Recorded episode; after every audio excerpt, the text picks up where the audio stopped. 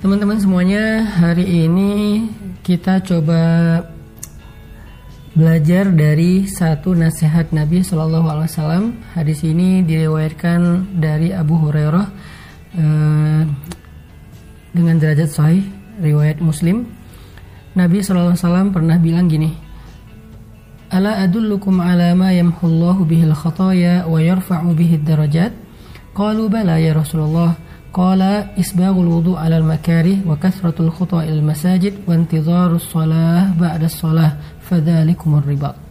Nabi nanya kepada para sahabat, wahai para sahabat, mau nggak kalian aku tunjukin amalan-amalan yang Allah bakal menghapus dengan amalan itu dosa-dosa kalian dan akan diangkat derajat. Jadi dihapuskan dosa dan diangkat derajat. Tahu nggak teman-teman arti diangkat derajat? Arti diangkat derajat itu kalau di dunia Allah akan muliakan kita. Jadi orang menghina kita tuh nggak bakal mempan. Orang ngebully kita nggak bakal mempan. Orang mengunfollow kita, nge-left grup kita, atau ngeblok kita, atau memfitnah kita, atau ngejelek-jelekin kita, itu nggak bakal mempan. Kenapa? Karena derajat kita dimuliakan oleh Allah. Kalau di akhirat, arti dimuliakan atau diangkat derajat itu diberikan surga yang tinggi. Nah, Nabi nanya kepada sahabat, "Ala adullukum ala ma yamhullahu bihil khataya wa yarfa'u bihid darajat?" Mau nggak kalian aku tunjukin amalan yang bisa bikin dosa kalian dihapuskan dan kemuliaan kalian diangkat, ditinggikan? Para sahabat jawabnya, bala ya Rasulullah, tentu ya Rasulullah, amal apa itu ya Rasulullah? Jadi tongkrongan Nabi dengan para sahabat itu keren gitu. Jadi nongkrong dapat ilmu, dapat manfaat, dapat kebaikan. Jadi sambil nongkrong mereka ngomongnya santai tapi dapat banyak kebaikan. Apa jawaban Nabi? Ternyata amal yang bisa bikin dosa kita dihapusin dan kemuliaan kita ditinggiin sama Allah di dunia dan di akhirat itu satu isbaghul wudu alal makarih.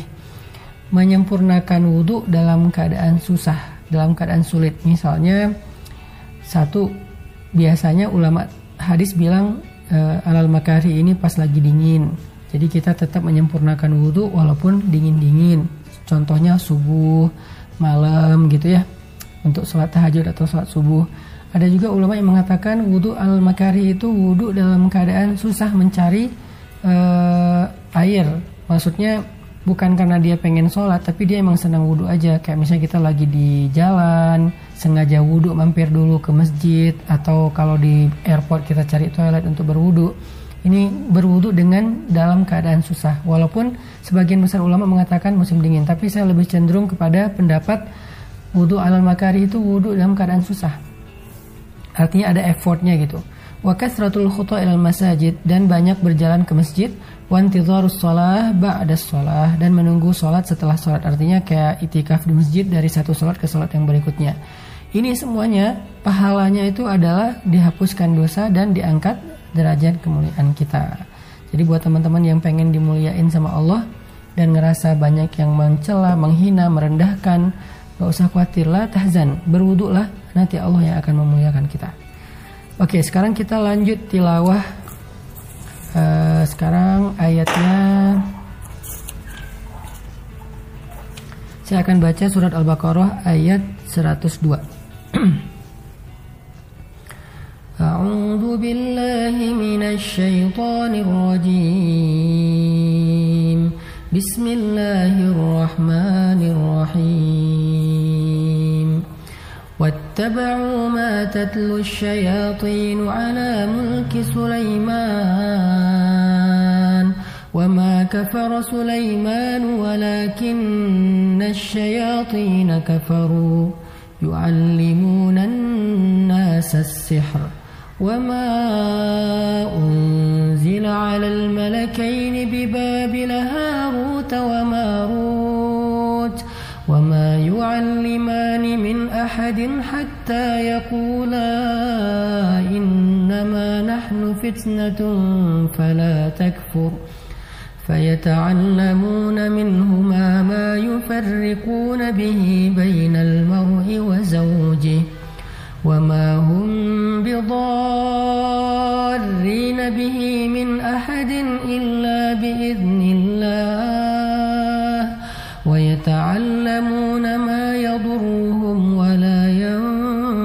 ينفعهم.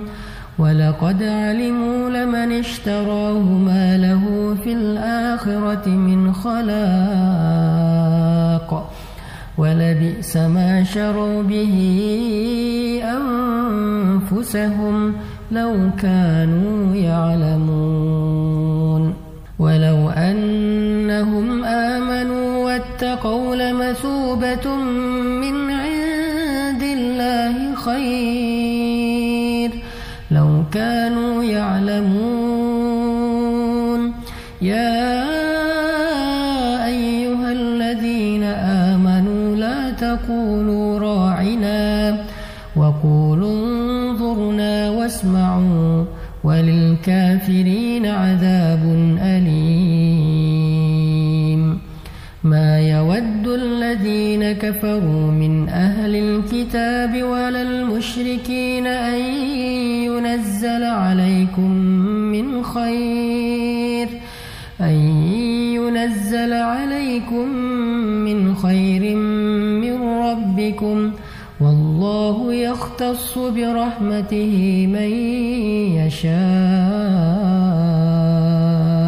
والله ذو الفضل العظيم.